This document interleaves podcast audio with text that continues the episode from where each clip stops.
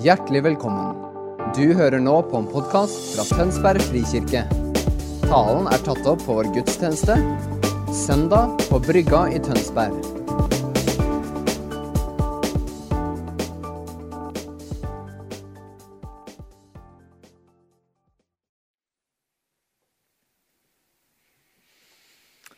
Takk. Er det lyd? Ja. Vi ber en bønn til avslutning.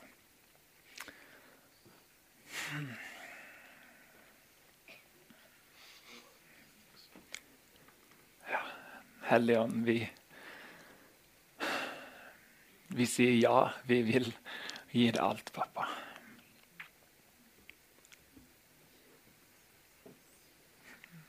Og Jesus, vi, vi ber far om at du må komme og fylle sinnet vårt og tankene og kroppen vår på en sånn måte at eh, alt i oss følger deg. alltid å søke deg. Vi sier ja til deg, Jesus. I dette øyeblikket, i dette møtet, så sier vi ja til deg, Jesus. Akkurat nå må du komme, pappa, og fylle oss og gjøre akkurat det du har lyst til å gjøre. Hellige Ånd.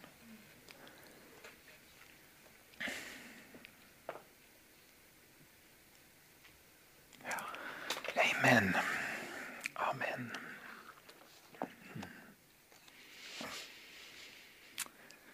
Bra. Vi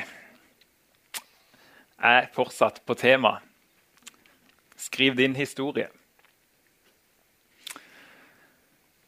Jeg skal prøve i dag å Vi skal snakke om andre Timoteus. Og det er jo litt sånn eh, Kanskje ikke et kapittel som de fleste av dere er mest i. Men forhåpentligvis har jeg lyst til å prøve å åpne det opp litt og vise hvordan dette kapitlet her kan passe inn eh, i Guds historie. For meg har det vært viktig, det er kjempeviktig for meg å finne ut at det, det er ikke Eivind som skriver eller som ber om at eh, Gud, må du bare komme og gjøre sånn at eh, dette livet blir bra, sånn at Eivind som en kristen oppfører seg bra på en rett måte. Men mye mer så er bønnen min blitt Gud, kan du forme livet mitt sånn at det passer inn i din historie. Sånn at det passer inn i ditt prosjekt, Gud, inn i din misjon, inn i det som du egentlig har skapt det til å være. Ok? Så da kommer det en film.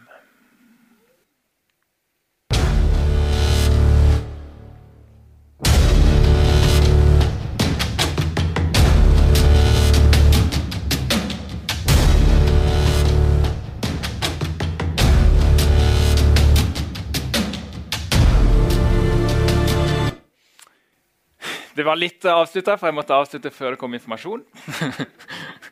Men det som dere så der, det er Frik som skal på misjonstur til Spania. Det blir veldig gøy. Vi er ti stykk, så det er liksom for seint for dere å melde dere på. dessverre. Men i februar så drar vi på misjonstur til Spania. Det kommer til å bli veldig bra. Vi skal rett og slett til Madrid, skal være der i sånn fem-seks dager. Og så skal vi være i Alicante i noen dager. Eh, Og For meg så har det vært veldig viktig inn mot denne turen. Hva er det egentlig vi holder på med? liksom? Vi er ti stykk fra Tønsberg. Uh, unge folk som drar til et land med jeg vet ikke om det er 47 millioner eller noe sånt, som bor i Spania. Uh, og så tenker vi ok, Gud, vi skal på misjonstur til Spania. Skjønner, det er ikke... Er, du skal ha ganske stor tro da, hvis du skal tenke at ok, vi utretter noe med disse ti stykk som drar til disse 47 millionene. Vi skal forandre verden. Det blir kanskje å ta litt hardt i, men vi skal i hvert fall være og bety noe der. Men det samme kan vi kjenne på litt her kanskje i Norge noen ganger. da. At Hva er det egentlig vi holder på med? Jo, vi er noen kristne, kanskje én eller to kristne på hele jobben blant en skole på ja, 300-400 stykker. ikke sant? Og så er det to kristne der. Hva har det egentlig å bety? Hva Er det egentlig? Er det egentlig noe poeng at vi er der? Er det egentlig noe poeng at vi er med frik, noen ungdommer som ikke sant, vi drar ned der og skal vi være i den byen og kanskje vi får prate med noen folk? Hva i all verden er det som får oss til å gjøre det? For meg så har det vært veldig viktig igjen, da. Missio dei, eller missio dei. Dette er kanskje et ord som ikke de fleste av dere bruker, men jeg tenkte det er litt gøy å introdusere det til dere. Fordi dette er et ord som sånn i teologien er blitt veldig viktig eh, de siste årene. Eller siste kanskje århundre. Eh, det som det betyr, missio, det er liksom misjon, og Guds misjon betyr dette ordet. Så istedenfor at det handler om at Eivind, nå skal du få med Gud på din misjon, så handler det om at Gud har en misjon, Gud har et prosjekt som vi er med på. Det er ikke vi som har prosjektet. Det er ikke vi som har misjonen, og det er ikke vi som skriver historien. Og det som skjer her da, jeg tenkte, Hva er det egentlig denne historien? Jo, historien begynner enkelt og greit her. Gud skaper. Gud har lyst på et skaperverk, Gud har lyst på mennesket. Han har lyst på at vi skal leve i gode relasjoner til hverandre og til verden. Han skaper oss til å ta vare på verden, til å forvalte, til å bygge, til å utvikle på en god måte. Med fred, med godhet, med kjærlighet, i gode, sunne relasjoner. Og så er det fortellinga, og så kommer jo, som de fleste vet, så kommer det mye ondskap inn i verden med denne slangen, og det begynner å gå dårlig. Istedenfor at jeg liksom deler mitt eple med naboen, så dreper jeg han sånn at jeg kan ta hele eplet sjøl. Eh, eller istedenfor at jeg på en måte begynner å snakke positivt om folk, så begynner jeg å baksnakke dem sånn at det skal gå meg sjøl bedre. Og så ser vi hvordan ondskap begynner liksom å påvirke dette fantastiske skaperverket til Gud. Som egentlig var ment for å være veldig godt. Og da kommer Gud på en liksom, idé, eller ikke om han kommer på en idé, men han tenker at okay, han gir ikke opp sitt prosjekt. Det er ikke sånn at ah, der bomma de. Da har de ødelagt hele mitt prosjekt, da gir jeg opp, da bare brenner vi jorda, og så fjerner vi den.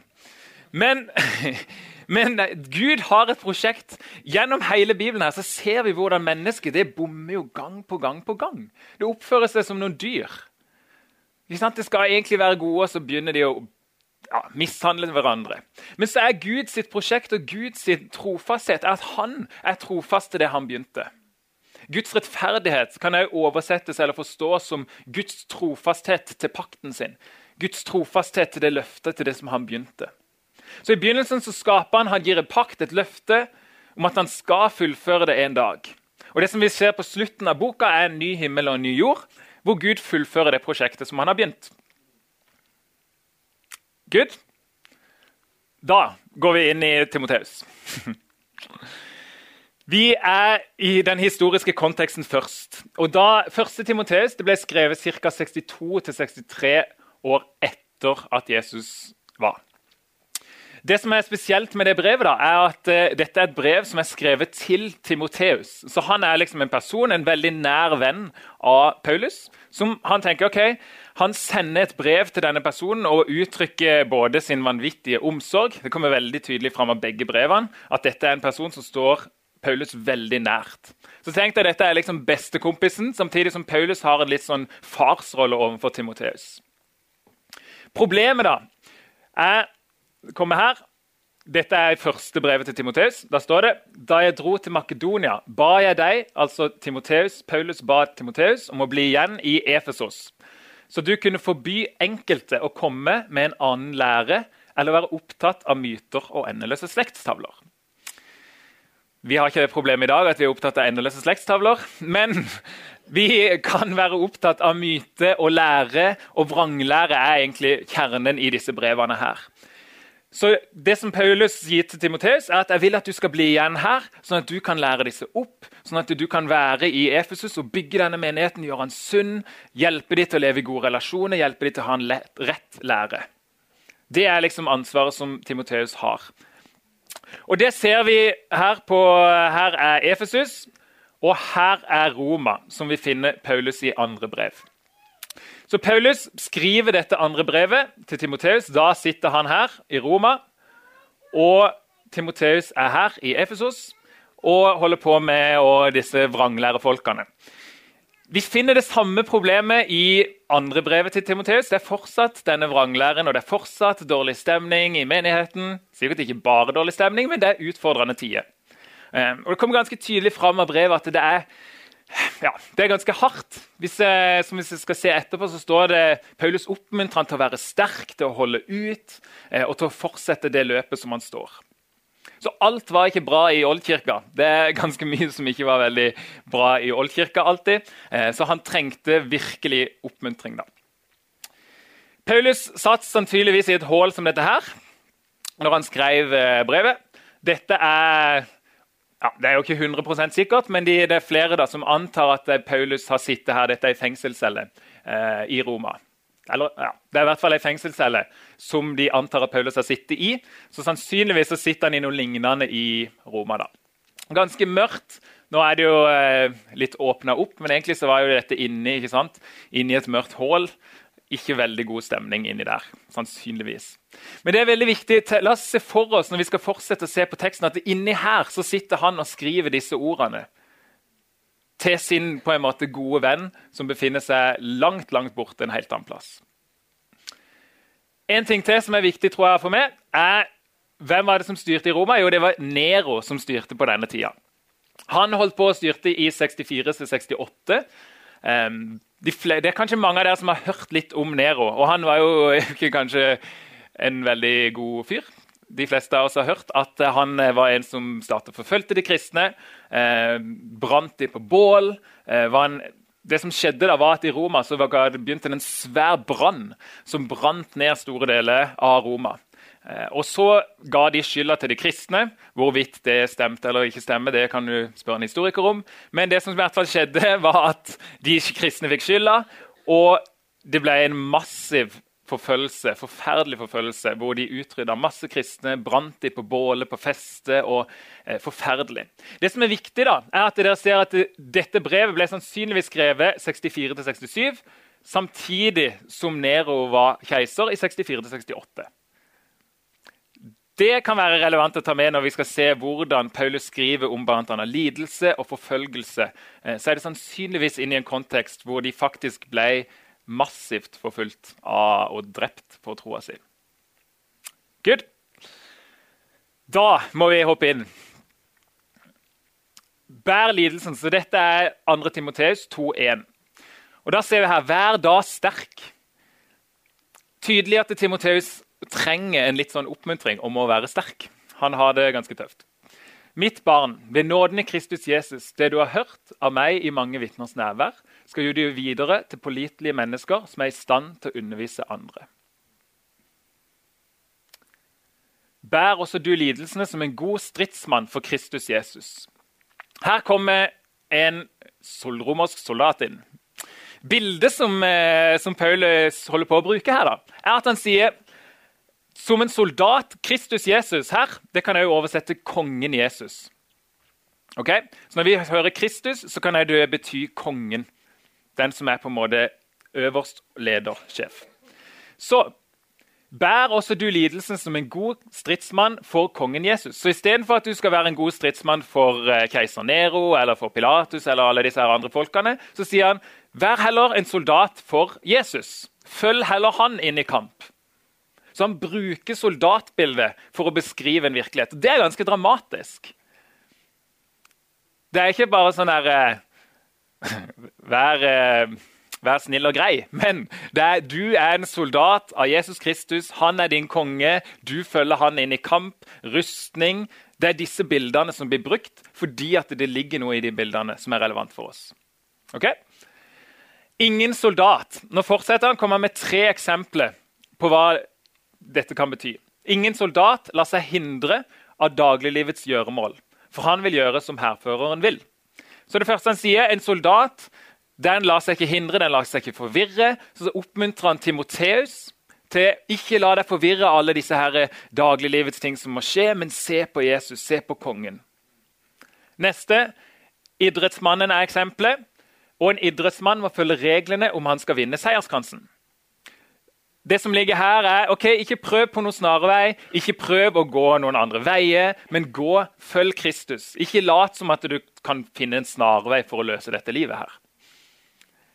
I dette så tror jeg jo ganske sikkert at det ligger i forhold til lidelse. Hele konteksten for dette er at Timoteus møter motstand. Han har det vondt, han møter ting som er utfordrende. Det som Paulus ikke sier, er at du kommer, kommer til å bare be om at du skal fjerne lidelsene. Men han sier, 'Hvem er det du er soldat for?' Han sier 'la deg ikke forvirre'. Han sier 'følg reglene'. Du kommer til å møte lidelse. Ikke løp bort ifra lidelsen. Siste er bonden som arbeider hardt, skal først av avlingen. Her handler det om at du kommer til å få lønn for det. Så Han sier ikke bare 'bare bær lidelsene, det går bra, du kommer til å ha det vondt resten av livet', men han sier 'bær lidelsene', ikke la deg forvirre, ikke la deg på en måte distrahere.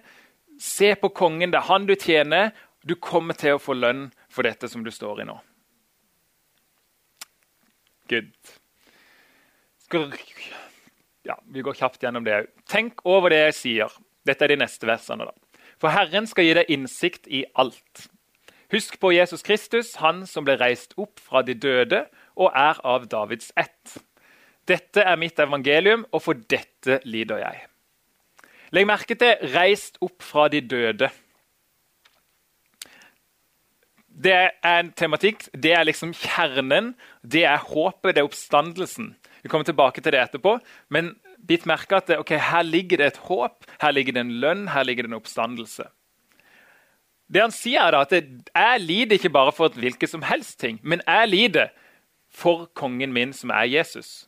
Så han har ikke bare et sånn dystert håp at ah, dette livet her er bare vondt. Jesus redder meg ut, det er så vondt. Men han har et håp sånn Wow, jeg følger kongen. Jeg er i hans tjeneste. Jeg er i hans misjon. Jeg er i hans hær. Dette livet handler ikke om meg, men jeg er en del av hans familie, av hans flokk. Det er det som Paulus holder på Han holder på å løfte blikket vårt til å se at hva er det egentlig du driver på med. Ok? Og så, Jeg er bundet i lenker som en forbryter. Det er altså Paulus. Han sitter i fengsel, sitter inne i det mørke hullet. som vi så i sa. Dårlig stemning. Midt inni der så skriver han at han er bundet i lenker som en forbryter. Men Guds ord er ikke bundet. Hva er det han gjør her, da? Han bruker sin egen situasjon og sier at 'jeg er fanga', samtidig som han sier at i denne misjonen, i evangeliet, i Guds kraft, med Guds ord, dette livet som er egentlig inne i den større fortellinga her, så er jeg ikke fanga. I mitt eget liv, i min lille fortelling, så er jeg fanga. Men i Guds store fortelling så er jeg ikke bundet. Derfor utholder jeg alt for de utvalgtes skyld, for at altså de skal få nå fram til frelsen i Kristus Jesus og få evig herlighet. Ok, da har vi, vi har gått litt sånn eh, tekst. Jeg håper det er greit for dere nå. Men nå, nå begynner det skal si dere en hemmelighet, og det er at jeg har lært at det går an å ha GIF i Powerpoint. Og det fikk de erfare på FRIK på fredag, for da talte jeg òg. Det var min første gang som har brukt GIF, og det skal dere òg få erfare nå. Um, så ja, se fram mot det. Det vi har gjort nå, da, er sagt her Her er den store fortellinga. Gud begynner et prosjekt. Gud skal fullføre sitt prosjekt. Spørsmålet som vi får, da, Hvorfor i all verden lidelse? Hvordan passer lidelsen og andre Timoteus-brev inn i denne store fortellinga som Gud holder på med? Det høres jo ikke veldig bra ut. Flere plasser i brevet så, så står det om at eh, Paulus skryter av de som ikke skammer seg over at han er i fengsel. Skjønner, Hvis jeg, en, eh, hvis jeg tenker liksom, nå har jeg funnet den mannen som jeg skal følge Han her er liksom helten over alle helter. Og så begynner jeg å følge han, og det som skjer med meg, er at jeg egentlig bare kommer i fengsel. Dårlig stemning, skjønner Det er ikke sånn der, eh, det mest oppmuntrende. Det ser ikke ut som at det er den rette vei. Hvis det er snakk om å følge Jesus, og alle de som følger Jesus, de sitter fengsla i et hull i Roma, da kan du potensielt kjenne at ah, du skammer deg litt over det du tror på. Hva i all verden er det vi driver på med? Og det er jo det spørsmålet som vi også har. Gud, hva i all verden er det du driver på med i livet mitt? Jeg har sagt ja til å følge deg, og det første som skjer, er at jeg begynner å, å møte vonde ting i livet. Gud har sagt ja til deg, men hvorfor skjer alt dette og dette og dette? Og dette? Og det er et kjempespørsmål. Gud, hvordan passer lidelsen? Hva med lidelse? Du sier ikke engang at, det, at vi skal på en måte be nødvendigvis om å bare komme ut av det, men du snakker om å omfavne det. Du snakker om å ta opp korset ditt, sier Jesus til oss. Det høres jo veldig rart ut. Gir det mening? For meg så er det i hvert fall sånn Hva skjer, Gud? Dårlig måte. Så mitt spørsmål da er Gud, hva er egentlig metoden din? Hvordan utfører du egentlig dette prosjektet ditt? Hvis han har et prosjekt, hvordan har han tenkt å utfordre det? Og hvilken rolle har lidelse egentlig i det? Det begynte med Adam. Det er Adam. Han kom inn i verden, og eh, han begynte å liksom, Gud ga han oppdraget ta vare på hagen. Du skal liksom utvikle dette riket, du skal bygge denne verden, du skal være kreativ. Du skal dyrke jorda, du skal liksom tilbe meg. Eh, så begynte det å gå dårlig etter hvert med Adam. Eh, de går liksom bare nedover egentlig rett etter Adam kom til live. Eh, så velger han ut en ny mann som skal prøve å fikse problemet. som har kommet inn. Det er Abraham, som etter hvert blir til Israel. Eh, så tenker Gud ok, nå skal jeg bruke Israel som på en måte mitt middel, mitt verktøy, for å fikse dette problemet, for å fullføre mitt prosjekt. Og det går jo sånn greit nok. Det er en del av Guds plan og det er en del av Guds historie. Men det som egentlig skjer er at man ser bare mer og mer gjennom hele historien hvor tullete og hvor på en måte harde hjertet Israel har. Husker dere historien når eh, israelsfolket skulle bli ledet ut av Egypt? Så står det at eh, farao gjorde hjertet sitt hardt, og Gud gjorde det òg hardt etter hvert. Så vi får på en måte farao bli bildet på ondskapen og på alt det tullete som skjer i verden. Men det som skjer er at senere i ørkenen så står det at israelsfolket sitt hjerte var hardt. Så Problemet er at eh, det Israel som egentlig skulle være på en måte Guds verktøy og løsning, nå er de òg blitt en del av det samme problemet. Da må dere følge nøye med, for da kommer det en ny ting. Hei Det er Jesus, hvis dere lurte på det. Jesus kom inn på banen. Han blir liksom det neste da, som Gud bruker. Hva er det nå Gud skal gjøre? liksom? Abraham, Israel, de funker liksom ikke. Hva skal jeg gjøre nå? Jo, det har pekt fram mot Jesus. Jesus blir Guds verktøy og Guds metode for å gjenopprette og fikse sitt prosjekt eller sin misjon. da. Så sier han, 'Følg meg til oss'. Og hva skjer da? Da kommer vi inn.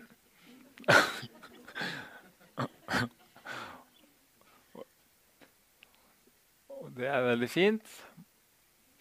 Og så sier vi Se det bare som en gledessøsken når dere møter alle slags prøvelser.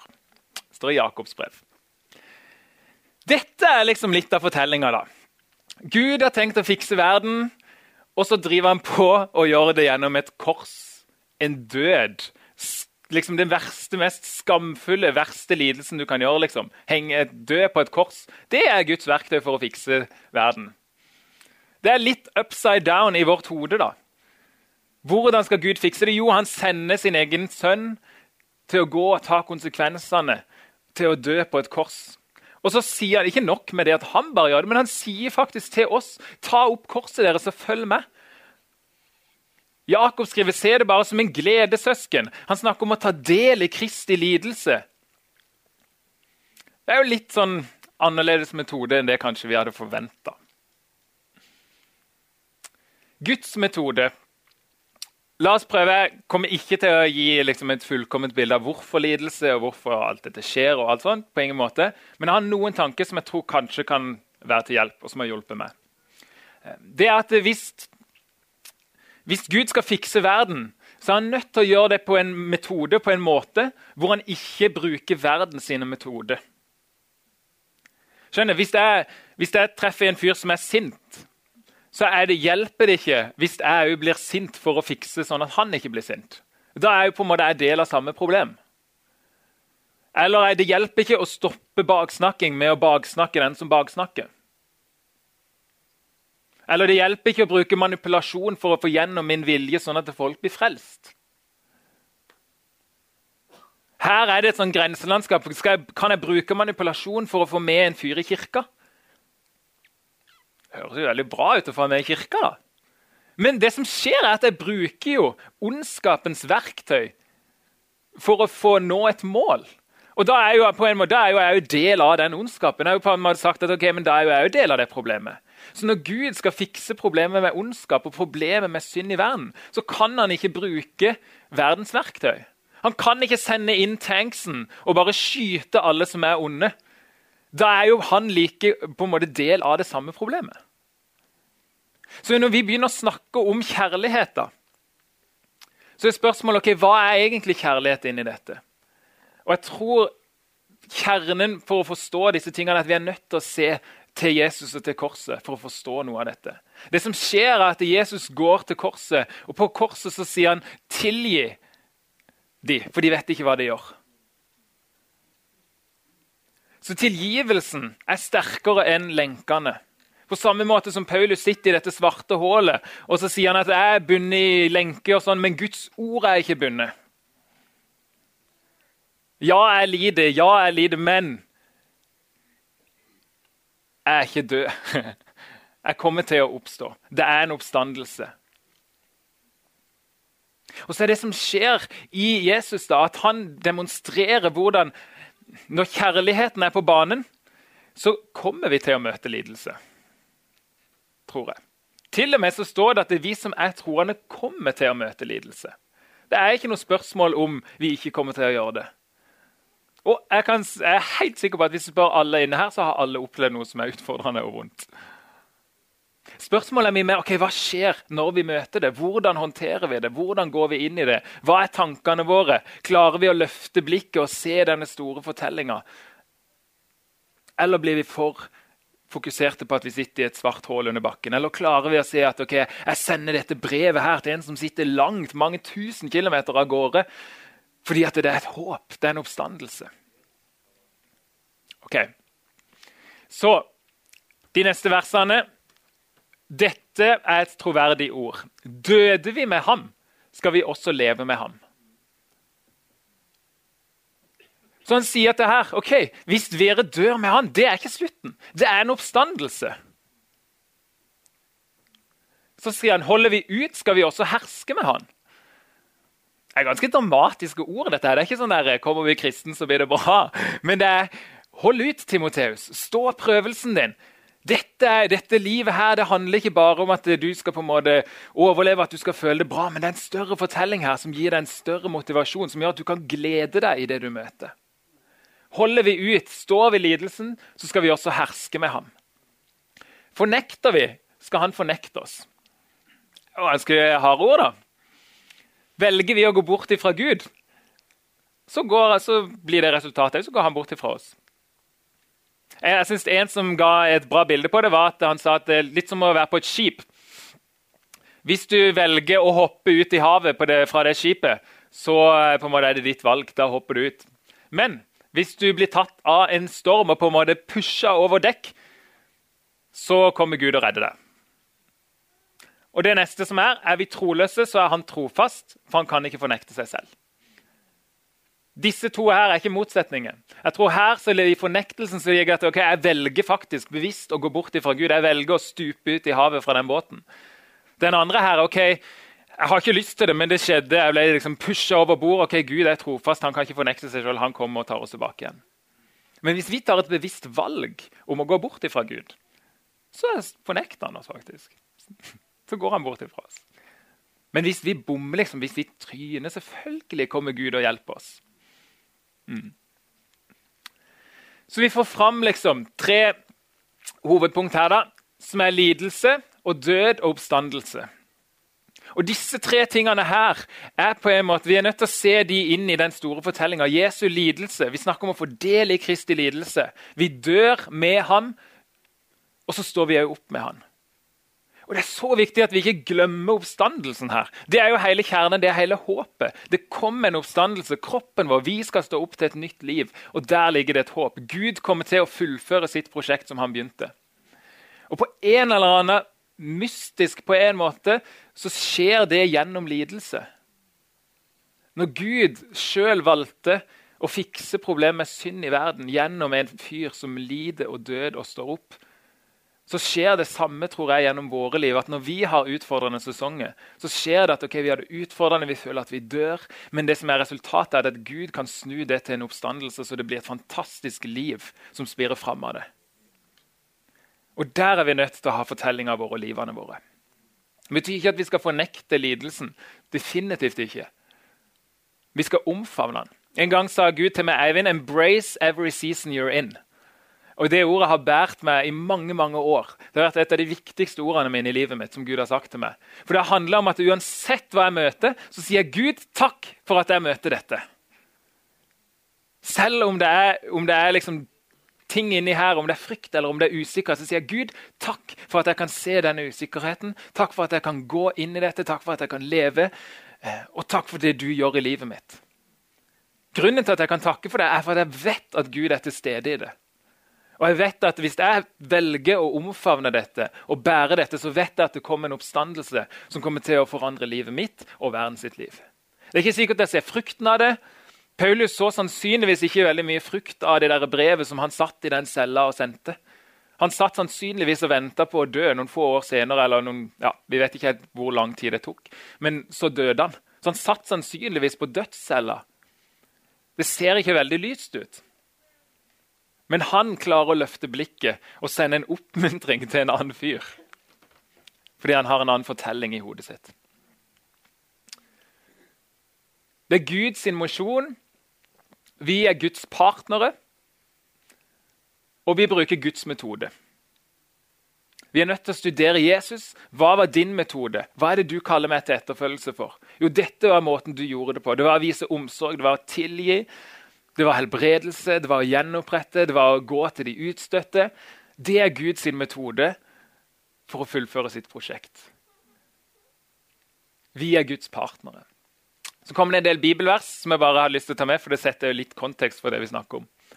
Um, men du har fulgt meg i lære og livsførsel, i holdning, tro Nå snakker han også til Timoteus, Paulus. Tålmodighet, kjærlighet, utholdenhet og i forfølgelser og lidelser. Slik som jeg ble utsatt for i Antokia, Ikonium og Lystra. Hvor mange forfølgelser jeg enn har måttet tåle, har Herren reddet meg ut av dem alle. Alle som vil leve et gudfryktig liv i Kristus Jesus, skal bli forfulgt. Det er jo eh, Hva skal vi si? Oppmuntrende ord, da. Men husker dere hva Jakob skrev? Se det bare som en glede. Derfor er mitt, Når jeg møter en lidelse eller noe som er utfordrende, som genuint er utfordrende i mitt liv, så kjenner jeg ok, dette, dette ødelegger meg, dette er vondt. Men jeg vet at hvis Jakob kunne si det, og hvis Jesus kunne se det, og hvis Paulus kunne se at det er en glede midt i det som er vondt, så vet jeg at det er det for meg òg. Og så sier jeg, Gud, takk for at du viser meg dette nå. Takk for at du kobler meg på historien. Takk for at jeg skal få tak i dette håpet som ligger i denne lidelsen. Og så kommer det. Salige er de som blir forfulgt for rettferdighetens skyld. Salig kan jo oversettes heldig. Eh, for himmelriket er deres. Ja, salig er dere når de for min skyld håner og forfølger dere, lyver og snakker ondt om dere på alle vis. Det føles jo ikke veldig heldig hvis jeg kommer på jobben. ikke sant? F.eks. tar opp abortsaken da, på jobb. Skaper dårlig stemning i lunsjen. Eh, går hjem og sitte hjemme og føle meg bare som en dust, liksom. Eller kanskje det fins en sånn Wow, Gud, jeg ser ikke frukten av dette nå. Jeg ser ikke resultatet av det, men jeg vet salig er de som blir forfulgt. Salig er de når de lyver om meg på jobben. Salig er de når de ikke forstår meg, når de misforstår meg. Fordi jeg lever på en annen måte. Jeg lever med et annet verdisett, jeg har et helt annet verdensbilde. Men salig er jeg som kan stå i denne posisjonen her. Når hele media snur seg mot kirka og sier liksom dere er, hater homofile, eller dere hater barn. Og, skjønner de, Alt det. Så kan vi stå i det, og så kan vi si Gud, midt i dette her, så får vi lov til å være ditt lys. Vi ser ikke at det er noe frykt. Vi sitter kanskje i denne mørke hula, men vi vet at vi er del av en fortelling som Gud har tenkt å fullføre. Jeg vet ikke hvordan det kan bli til noe godt, men jeg vet at det er Gud som er trofast til sin pakt og sitt løfte. Og så står det noe her. Gled og fryd dere, for stor er lønnen dere har i himmelen. Stor er lønnen som kommer. Han løfter perspektivet vårt. Vi er en del av en større fortelling her. Vi lever ikke bare for dette livet, her, men vi lever for en evighet. Slik forfulgte de også profetene før dere. Når vi skal se og forstå, Hvis du er interessert i lidelse, da, eller er interessert i hvordan passer lidelse inn i denne store fortellinga, så begynn å se på de bibelske fortellingene. Se på Gamle testamentet. Hvordan var det, Hva skjedde i Gamle testamentet? Jo, Gud utvalgte Israel, den minste pjotten, ikke sant? og så brukte han de til å frelse verden. Gud utvalgte David, han utvalgte de som ble latterliggjort. Han utvalgte de små. Og så brukte han de til å bringe frelse. Og Det som skjedde med profetene, er at de fleste de ble drept. Og Det ser jo ikke ut som noe god frukt da igjen. Her, her sier, tar Jesus og knytter han oss opp til profetene. og så sier han, På samme måte som profetene ble drept for å stå opp for det de trodde på, de sto opp i samfunnet og så sa de, ok, dette er ikke greit, dere må omvende dere, ikke gå den veien der. Resultatet at de gjorde det, sto på Guds ord, var at de ble drept. Dårlig stemning. Det betyr ikke at vi skal liksom gå og bare reise oss opp i samfunnet og si Men vi skal bruke visdom i det. Selvfølgelig skal vi det. Men vi kan forvente at vi møter motstand. Vi kan forvente at folk anklager oss, at de lyver oss om at de vil drepe oss. for den saks skyld. Det er jo veldig dramatisk å si, da. Men eh, vi må bruke det språket som står her. Ta profetene til forbilde, skriver Jakob. det er jo Søsken, de som talte i Herrens navn, de holdt tålmodig ut når de måtte lide vondt. Ja, dem som holder ut, priser vi salig. Dere har hørt hvordan Jobb holdt ut, og har sett hvordan Herren lot det ende. For Herren er rik på medlidenhet og barmhjertighet. Så her sier han 'hold ut', for dere vet hvordan det ender. Se på Jobb. Han fikk det bra til slutt. Det funka. Gud fullførte det. Se på oss. Det er vondt nå. Hold ut. Vær ikke redd. Ikke, ikke legg deg ned. Men reis deg opp, stå stødig. Det kommer til å gå bra. Åpenbaringsboka. Dette er litt sånn tolkningsnøkkel tror jeg, i hvert fall, for å forstå åpenbaringsboka. De skal føre krig mot lammet, men lammet er herrenes herre og kongenes konge og skal seire over dem sammen med sine. De kalte, utvalgte og trofaste. Dette er jo litt sånn der, eh, Når vi leser åpenbaringsboka, masse krig og forskjellige greier, og så skal vi liksom sende fram krigsherren som skal komme og knekke ondskapen. Og da sender vi fram lammet. Eh, det er fascinerende at åpenbaringsboka bruker lammet som bilde på det som overkommer ondskap, istedenfor å bruke løva. Tidligere så står det både løven og lammet. Det er en plass beskriver at dette lammet så ut som det var slakta. Det er et slakta lam. Det er på en måte ikke det mest kraftfulle vi vet om. Eller det er det mest kraftfulle vi vet om, men ikke det de vet om der ute. Hva om dette er sånne bilder for oss til etterfølgelse? Da, som skal få oss til å tenke, ok, Denne åpenbaringsboka er jo inn til folk som står i lidelse. ikke sant? Forferdelige ting. Og så sier han, se på lammet som ble slakta. Det er det som overkommer. Selv om dere dør nå, ok, men Gud kommer til å fullføre sitt prosjekt. Martyrene ikke sant? på den tida de snakker om at det, blodet til martyrene er liksom dette frøet for vekkelse. Det er jo dramatiske bilder, men jeg tror det ligger noe i det. Fordi det er det som historien forteller, det er Bibelen forteller, og det er det som vi òg kan få se med våre liv. Nærmer vi oss slutten, og da kommer det en gift til. Det er Jesus sjøl som sier hvis ikke hvetekornet faller i jorden og dør, blir det bare det ene kornet. Men hvis det dør, bærer det rik frukt. Her ligger det samme tematikk. Til slutt, andre Peters brev. På slutten For det er godt om noen finner seg i uforskyldte lidelser, for samvittigheten er bundet til Gud. Om dere holder ut og blir straffet når dere har gjort noe galt, er det noe å rose dere for. Men om dere holder ut i lidelser når dere gjør det rette, da er det godt i Guds øyne. Det var jo dette dere ble kalt til. Kalt til! Skjønner? For Kristus led for dere og etterlot dere et eksempel for at dere skulle følge i hans spor.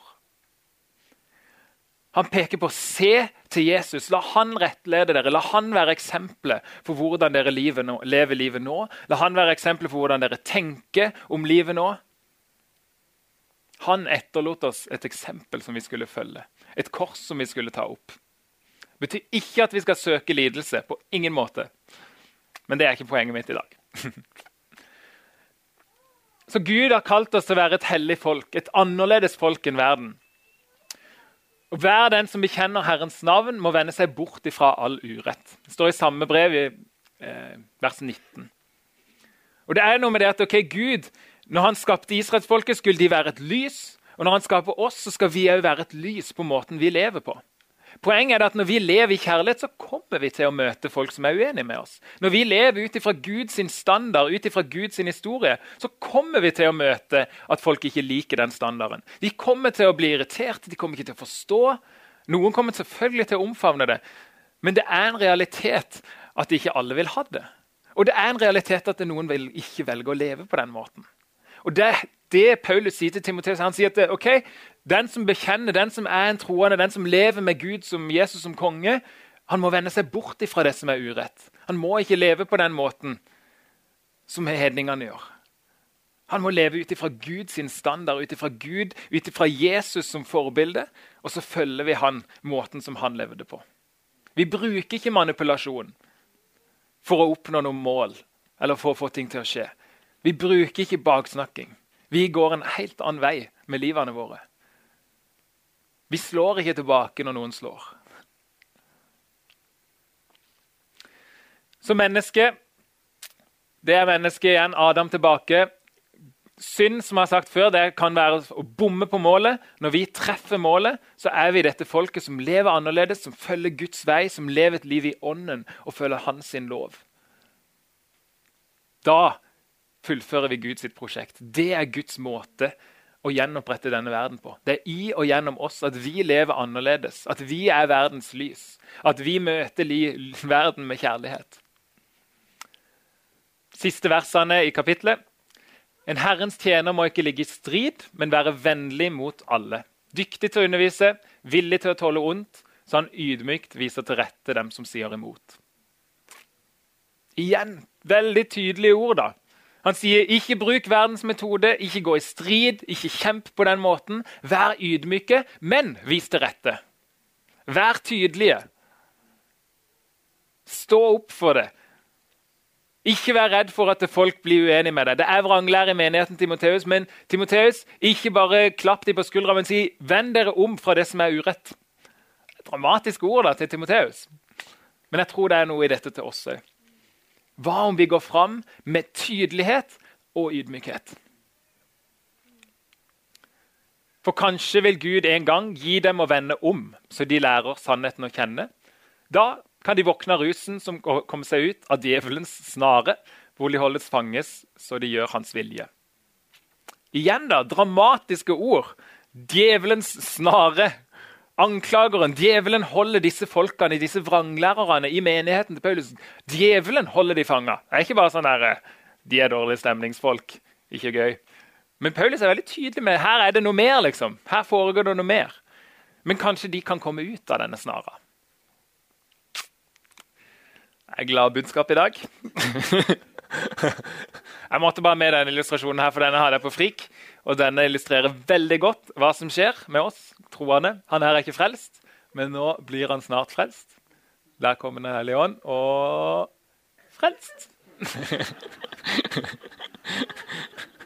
sånn er det med oss. Når vi bare åpner munnen, så kommer Ånden og fyller oss med liv og Når vi da går ut, så sier de oi, han her han lyser litt ekstra rart. Han var det noe rart ved. Han står og ler midt i alt dette her. Så det er Det er verdens lys. Da er siste bilde. Et annerledes liv. Her lander vi. Lovsangstimen kan komme opp. Vi er kalt og skapt for å ha et annerledes liv. Et annerledes miljø. Det er oss, det er kirka, det er menigheten. Det som skjer er at Når vi lever på denne måten som Gud ønsker, når vi avviser vranglære, når vi tør å stå på det som er vårt, selv om folk sier imot, selv om de lyver bak ryggen vår, selv om de latterliggjør oss Når vi tør å stå på det, så er det metoden og verktøyet som Gud bruker tror jeg, for å fullføre sitt prosjekt. Så Det begynner i livet, det fortsetter i vårt miljø, og så tror jeg det kommer til å prege bryen vår. Og gjøre den annerledes. Mm. Jeg har lyst til å be en bønn til slutt. Hellige Ånd, vi sier ja igjen, som vi sa i begynnelsen, til å være med på ditt prosjekt. Og vi vet, pappa, at det, det betyr at uh, vi kan miste ansikt. Det betyr at vi ikke blir forstått. Det betyr at vi kan bli baksnakka. Men vi sier ja til det, pappa, fordi vi vet at det er ditt prosjekt, det er din misjon. Og det er en enorm glede pappa, som finnes i å være med på det som du har kalt og skapt oss til å være. Jeg har lyst til å invitere dere når vi går inn i lovsangen, til ja, til å si ja. La oss gå inn i denne sangen. De der som har lyst til å kjenne at ok, jeg har lyst til å være med på Guds misjon. Jeg har lyst til å være med på dette prosjektet som Gud holder på med. Jeg har lyst til å være en kristen, jeg har lyst til å leve dette livet. Så jeg har lyst til å Sitt fram til du kjenner at du bare bestemmer deg i hjertet. ok, nå, Nå har jeg lyst til å reise meg opp som et på en måte tegn for meg sjøl og kanskje for de andre, men at jeg har lyst til dette prosjektet. Så gjerne bli sittende fram til du har lyst til å reise deg i lovsangen. Og så kjenner jeg nå velger å ta dette og reise meg opp og si ja til dette, Gud. Jeg forstår ikke hvorfor, jeg forstår ikke hvordan nødvendigvis, men jeg velger å si ja til det. Takk for at du hørte på vår podkast. Har du spørsmål eller ønsker du å vite mer? Søk oss på vår nettside tonsbergfrikirke.no. Du er også velkommen til kirke på Brygga i Tønsberg.